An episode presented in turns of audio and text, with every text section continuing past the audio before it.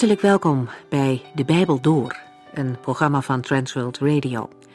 De Bijbel Door is een radioserie die u in vijf jaar meeneemt door de hele Bijbel. Van Genesis 1 tot Openbaring 22.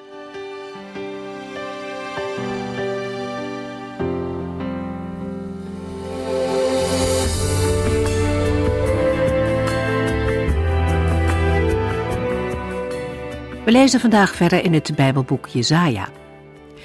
We hebben de afgelopen tijd een hele serie profetieën over de volken rondom Israël behandeld. Als een rode draad liep daar doorheen dat vertrouwen op hulp van mensen zinloos is. Alleen bij God zelf is redding.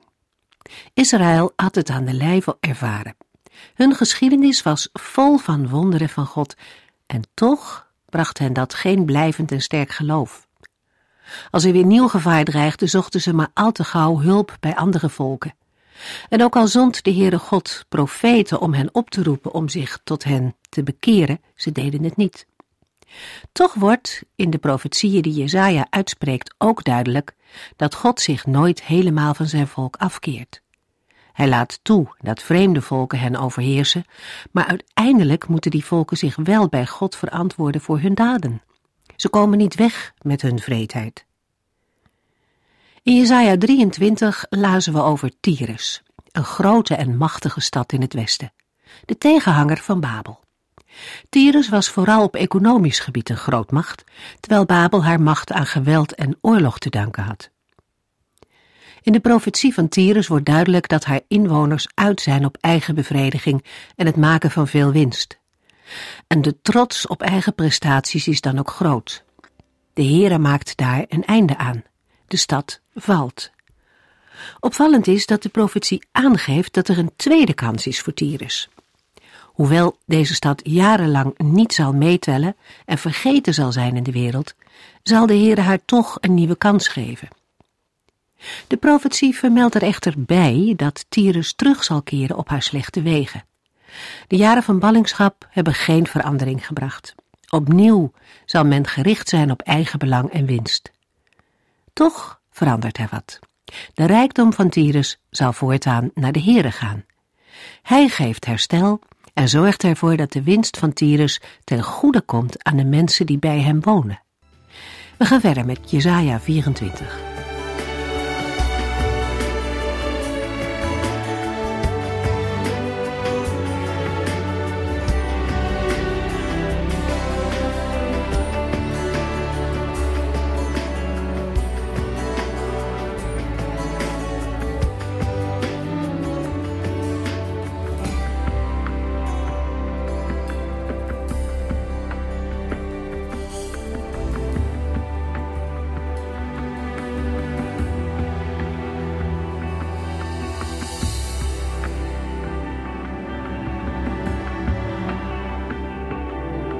Jesaja 24 fungeert als een overgang tussen de oordelen over de volken en de verlossing van Juda. In Jesaja 24 wordt het oordeel dat in de voorgaande hoofdstukken specifiek en plaatsgebonden was, in algemene zin beschreven. De wereld als geheel wordt behandeld. De aarde wordt in de Hebreeuwse tekst maar liefst 16 keer genoemd. De nadruk ligt niet alleen op het oordeel over de aarde, maar ook op de Heere die het oordeel uitvoert. Jesaja 24 is opgebouwd uit vier delen. In de eerste twee wordt de verwoesting beschreven. In Jesaja 24 vers 1 tot en met 6 wordt de aarde verwoest door de Heere en de stad in de versen 7 tot en met 13 staat symbool voor de aarde. De stad ligt in puin. Daarna lijkt er ruimte voor vreugde, maar schijn bedriegt er blijkt nog steeds sprake te zijn van verraad, dat een oordeel verdient. Jesaja 24, vers 14 tot en met 20. Aan het slot van Jesaja 24 wordt duidelijk dat in het geweld van het oordeel niets en niemand overeind kan blijven dan alleen de Heere. Hij is koning. Jesaja 24, vers 1. Kijk, de Heere maakt de aarde weer leeg. Hij vernielt haar. Hij verandert haar aanzien en verstrooit wie daarop wonen. Met het woordje kijk kondigt Jezaja de verwoesting van de aarde aan alsof dat op het punt staat te gebeuren. De Heer is bij machten direct te handelen. Of hij het nu doet of later is niet van belang. De verwoesting betreft de aarde, en vanuit de context blijkt dat de bewoonde wereld is bedoeld. Het oppervlak van de aarde wordt omgekeerd en de bewoners verstrooid. De beeldende beschrijving maakt een overweldigende indruk. De veranderingen kunnen worden veroorzaakt door oorlogen of natuurrampen als aardbevingen, overstromingen of tsunamis.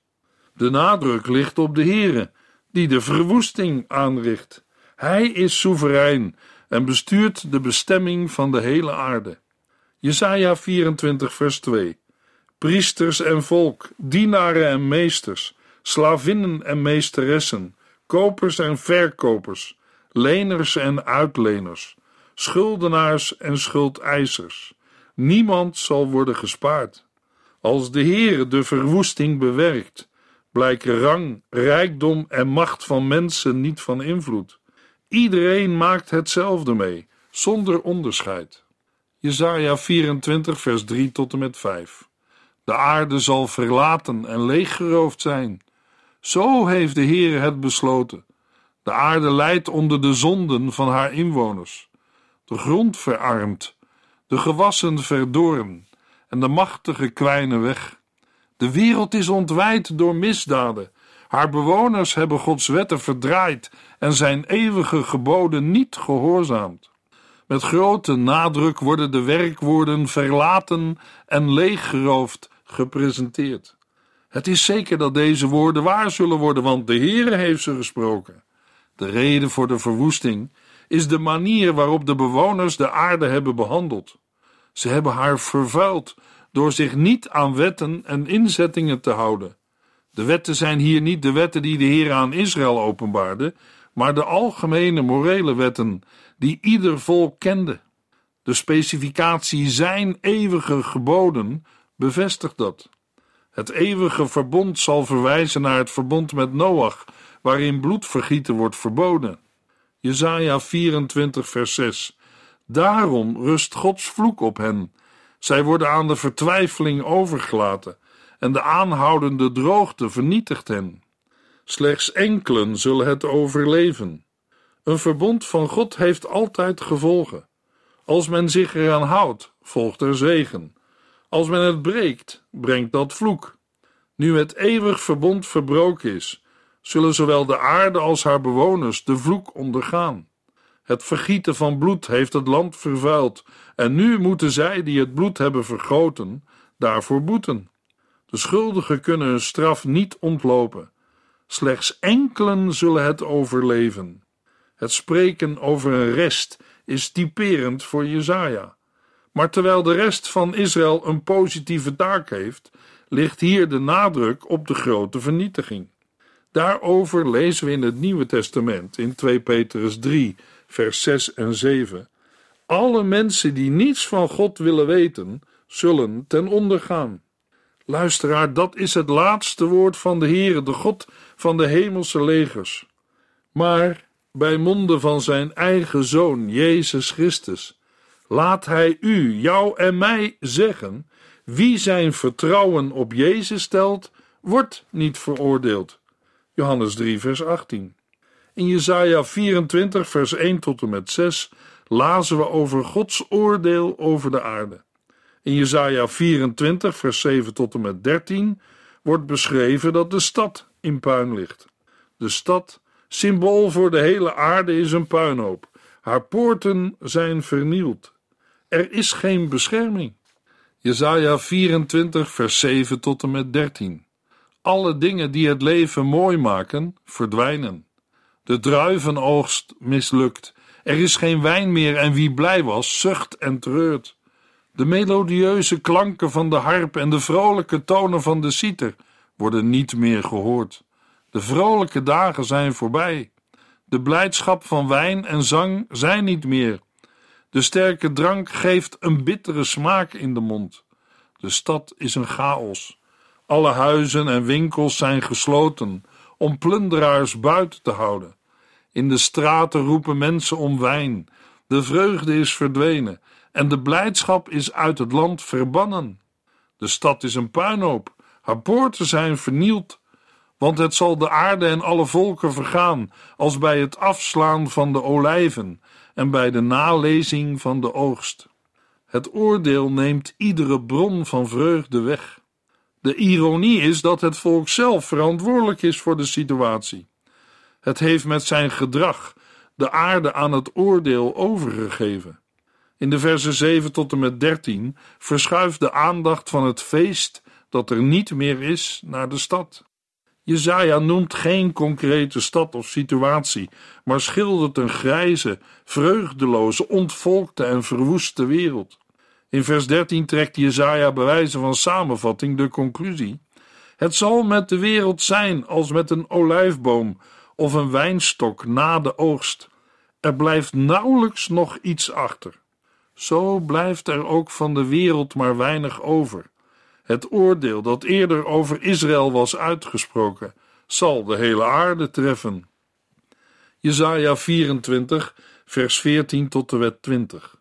Maar alle overgeblevenen zullen de stem verheffen en zingen van blijdschap. Vanuit het westen zal men de majesteit van God prijzen, en in het oosten zal men die lofprijzing beantwoorden. Hoor ze zingen voor de Heere overal ter wereld. Zij zingen over de glorie van de rechtvaardige. Maar mijn hart is zwaar van verdriet, want het kwaad voert nog steeds de boventoon en overal heerst nog het bedrog. Angst, valkuilen en valstrikken zijn nog steeds uw lot, o bewoners van de aarde. Als u angstig vlucht, zult u in een kuil vallen, en als u uit de kuil weet te vluchten, zult u in een val lopen. Want de vernietiging valt vanuit de hemel op u, de aarde beeft onder uw voeten. De aarde wankelt gevaarlijk, alles is verloren en verward. De aarde zwaait heen en weer als een dronkaard en schudt als een tent in een storm. Zij valt en zal niet meer opstaan, want de zonden drukken als een zware last op haar. In vers 14 verandert Jezaja plotseling zijn boodschap en beschrijft hij dat mensen hun stem verheffen om de majesteit van de Here te bezingen. Wie doen dat? Waarschijnlijk moet gedacht worden aan het overblijfsel dat aan het oordeel is ontkomen. Het oordeel heeft besef van Gods grootheid teweeggebracht. In vers 16 komt een schril contrast naar voren. Jezaja zingt niet met de overgeblevenen mee. Hij beklaagt zich, want terwijl in voorgaande passages over de glorie van de rechtvaardige gezongen werd, ziet Jezaja niets anders dan het tegenovergestelde. Hij wordt van binnen verteerd door verdriet, want hij ziet de ware aard van het volk. Hij ziet verraad in extreme vormen en benadrukt met krachtige woorden de ernst van de morele perversiteit. De bewoners zijn als opgejaagde beesten. Het oordeel zal komen, zoals het kwam in de dagen van Noach. Daarmee wil Jezaja niet een herhaling van de zonvloed suggereren, maar wel een oordeel dat universeel is. Het gaat gepaard met vernietigende waterstromen en aardbevingen. Om het beeld van de onbetrouwbaarheid van de aarde verder te onderstrepen, vergelijkt Jezaja de aarde met een dronkaard en een tent in een storm. Beiden zijn labiel. De oorzaak voor het gebrek aan stabiliteit is de eigen overtreding en zonden. De aarde valt en staat niet meer op. Jesaja 24, vers 21 tot en met 23. Op die dag zal de Heere de gevallen engelen in de hemel straffen, evenals de trotse heersers van de landen op aarde. Zij zullen worden bijeengedreven als gevangenen en in een kerker worden opgesloten, tot zij zijn berecht en veroordeeld. Dan zal de Heere van de hemelse legers zijn troon op de berg Sion zetten en glorieus regeren in Jeruzalem. Voor de ogen van alle oudsten van zijn volk zal daar zo'n glorie heersen, dat de heldere lichten van zon en maan erdoor verbleken. Als het oordeel zo universeel wordt voltrokken, gebeurt er iets dat alle aandacht verdient. De Heere verschijnt als een bevelhebber van de strijdmachten, die zijn troepen controleert en het lot van gevangenen en gedeserteerde soldaten bepaalt. Hij straft de schuldigen. In Jesaja 24 zijn de schuldigen zowel in de hemel als op de aarde te vinden. Het zijn gevallen engelen of afgoden die vaak met sterren werden vergeleken, en koningen of heersers van de aarde. De schuldigen worden behandeld als gevangenen, verzameld en gevangen gezet, opgesloten in een kerker of kuil. Jezaja gebruikt het woord kerker of kuil als synoniem van het dodenrijk. Er is geen ontsnapping mogelijk. In Openbaring 9 lezen we dat het dodenrijk pas geopend wordt als de Heere het wil. Wanneer dat gebeurt, is in Jesaja 24 niet duidelijk. In de Hebreeuwse tekst lezen we dat het pas na vele dagen zal zijn. Het is opvallend dat in Jesaja 24 sprake is van uitstel van het oordeel tot een later tijdstip en dat er bovendien sprake is van een opsluiting. Deze fasering komt overeen met Openbaring 20 en de brief van Judas. De Heere houdt hen vast tot de grote dag van het oordeel. Nu de vijandelijke machten veroordeeld en vernederd zijn, wordt het koningschap van de Heere in zijn volheid zichtbaar. De plaats van zijn troon is de berg Sion in Jeruzalem, de plaats van de tempel en van het koningshuis van David. De Messias, Jezus Christus, wordt niet genoemd. Maar in het koningschap zijn de Heere en de Messias één. De oudsten mogen in die heerschappij de heerlijkheid van hun God zien. Wat eerder gebeurde op de Sinaï. Nu is het nog niet zover, maar de verlossing komt. Jesaja 25 vers 1 Heere, ik zal uw naam eren en prijzen, want u bent mijn God. U doet zulke wonderbaarlijke dingen. U hebt uw plannen lang geleden vastgelegd en nu hebt u ze uitgevoerd, precies zoals u zich had voorgenomen. Het loflied dat in Jesaja 25 volgt, is het antwoord op de verwoesting die in Jesaja 24 werd beschreven. Het oordeel van de Heere brengt troost voor hen die onderdrukt werden, en de verlossing heeft een universele rijkwijde. Jesaja 25 is opgebouwd uit drie delen. Het eerste deel, vers 1 tot en met 5, reflecteert op de verwoesting van de stad, die als een bevrijding wordt beleefd en is tot de Heere gericht. In Jesaja 25, vers 6 tot en met 8 richt de Heere een maaltijd aan voor de volken. Vers 8 wordt afgesloten met de woorden: De Heere heeft gesproken. Hij zal dit zeker doen. Jesaja 25, vers 9 tot en met 12 laat zien dat er vreugde en verlossing is voor allen, behalve voor de hoogmoedigen. Ze worden aangesproken in het oordeel over Moab. Jesaja 25 bevat geen chronologische ordening, alsof Moab pas verslagen wordt na de vestiging van Gods koningschap, maar benoemt begeleidende omstandigheden of aspecten van de regering van de Heere. De gelovige rest, die de verwoesting van de aarde heeft overleefd, wordt zingend opgevoerd. De openingswoorden Heer, u bent mijn God zijn persoonlijk en bepalen de rest van het lied. Het lied gaat niet over tijdelijke vreugde die wordt gezocht in drank, maar over een blijvende relatie met de Heer. Wat de Heer heeft gezegd, doet hij ook. Dat wat sterk en georganiseerd was, wordt door de Heere veranderd in een puinhoop. Wat door mensen is gebouwd om veiligheid te garanderen, wordt door de Heere verwoest. Mensenwerk biedt geen garanties. Een mens is geneigd op eigen kracht te vertrouwen, en die neiging wordt versterkt als blijkt dat die houding succes oplevert. In Jesaja 25 vers 3 blijkt dat de Heere de macht van naties en volken te boven gaat. In vers 4 wordt teruggegrepen op de eerdere redenen voor de verering van de Heere. Er wordt nog een argument toegevoegd. De Heere verdient lof en eer niet alleen vanwege de vernietigingen, maar ook omdat hij dat deed ten behoeve van de armen en onderdrukten. Hij was een schuilplaats tegen slagregens en hitte. Jesaja 25 vers 6 Hier, op de berg Sion in Jeruzalem, zal de Heere van de hemelse legers een indrukwekkend feest houden voor iedereen op aarde. Een prachtig feest met heerlijk voedsel, met wijn van een goed jaar en het beste vlees. De Heere zorgt voor de maaltijd die bestemd is voor alle volken. Het handelen van God is specifiek gericht op de berg Sion, maar heeft een universeel bereik. De Heere maakt de zegen mogelijk door de sluier of bedekking die over de volken ligt te vernietigen. Jesaja 25 vers 8 Hij zal de dood voor altijd opslokken. De Heere God zal alle tranen afvegen en voor altijd de beledigingen en de spot tegen zijn land en volk wegnemen. De Heere heeft gesproken. Hij zal dit zeker doen. Dit vers wordt door Paulus in 1 Corinthiërs 15 vers 54 geciteerd. Wanneer dat gebeurt, wordt werkelijkheid wat in de boeken staat. De dood is opgeslokt in Gods grote overwinning.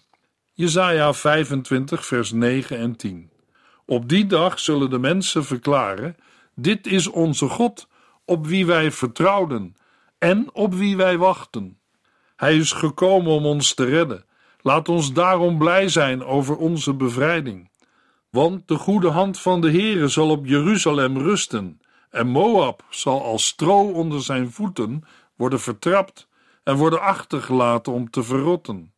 De genoemde vooruitzichten maken dat de rechtvaardigen van Israël hun God bezingen. Hij heeft immers hun vertrouwen niet beschaamd. Het lange wachten is beloond met de verlossing en daarom klinkt nu een lofzang. De hand van de Heere zal zegenend op Sion rusten, maar die zegen is er niet voor Moab. Moab wordt hier genoemd als vertegenwoordiger van alle hoogmoedige volken, want zo is dit Moab eerder getypeerd. De afrekening is volledig.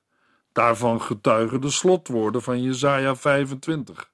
Het lied van de verlosten eindigt. Ze hebben op de Heere vertrouwd en staan niet beschaamd. Zij getuigen van het feit dat de Heere het voorwerp van vertrouwen moet zijn. Moab staat net als de stad, symbool voor allen die op zichzelf vertrouwen en niet zullen delen in Gods heil. We gaan verder met Jesaja 26. Jesaja 26 en 27 lijken in liedvorm de inhoud van Jesaja 24 en 25 te verwerken. De volken, inclusief Juda, hadden de weg van zelfvertrouwen gevolgd en tegen die achtergrond wordt nu opnieuw benadrukt dat er maar één weg is die gerechtigheid, verlossing en vrede brengt. Het is de weg van vertrouwen op de Here. Die wetenschap is de basis voor het lied dat wordt gezongen. Terwijl de voorgaande hoofdstukken een verre toekomst beschrijven, lijkt in de komende twee hoofdstukken de ervaring van het heden van Jesaja verwerkt te zijn. De aangekondigde redding gaat in vers 19 veel verder dan de terugtrekking van vijanden, omdat er over de opstanding uit de doden wordt gesproken. Het lied dat in Juda zal klinken, heeft verschillende versen. Eerst wordt in de versen 1 tot en met 6 de trouw van de Heere bezongen.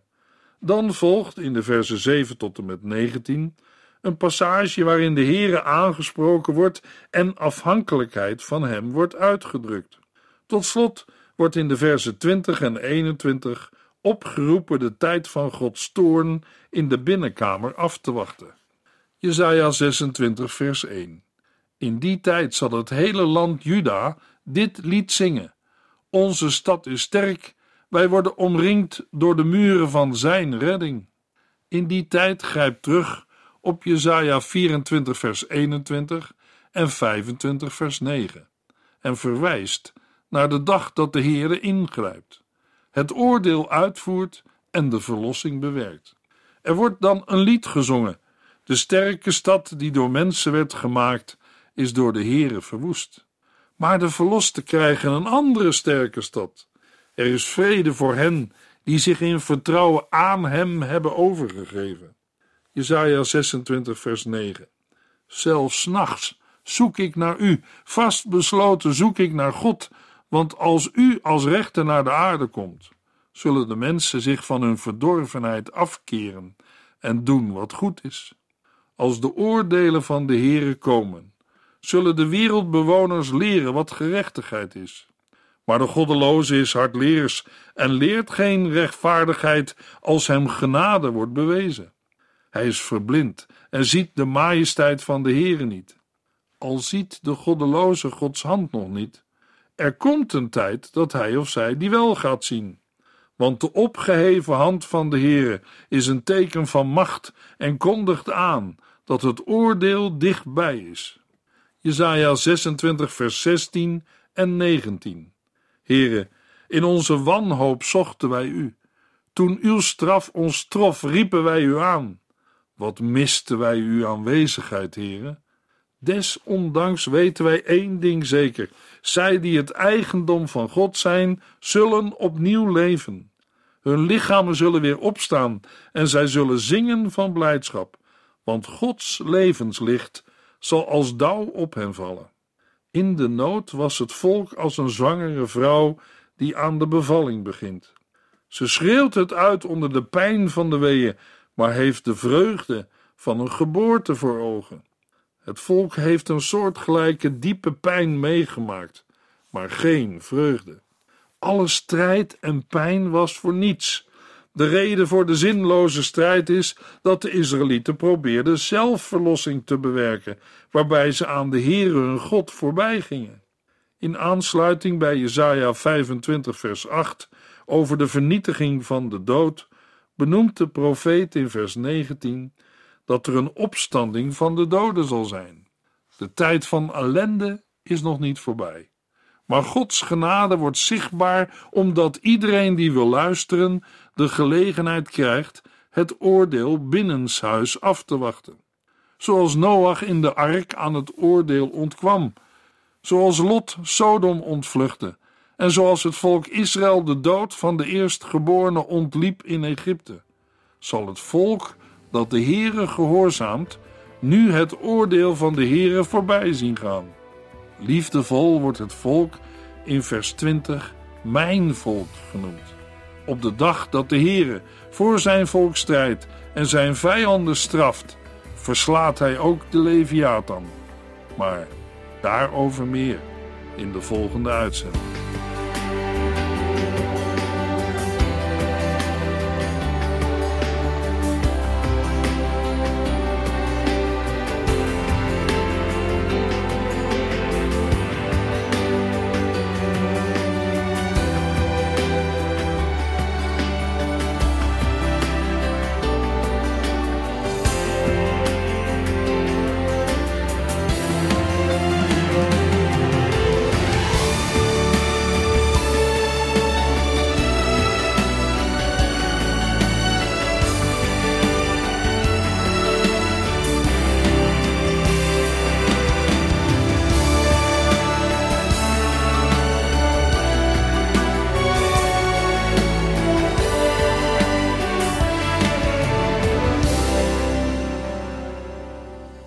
Geluisterd naar De Bijbel Door.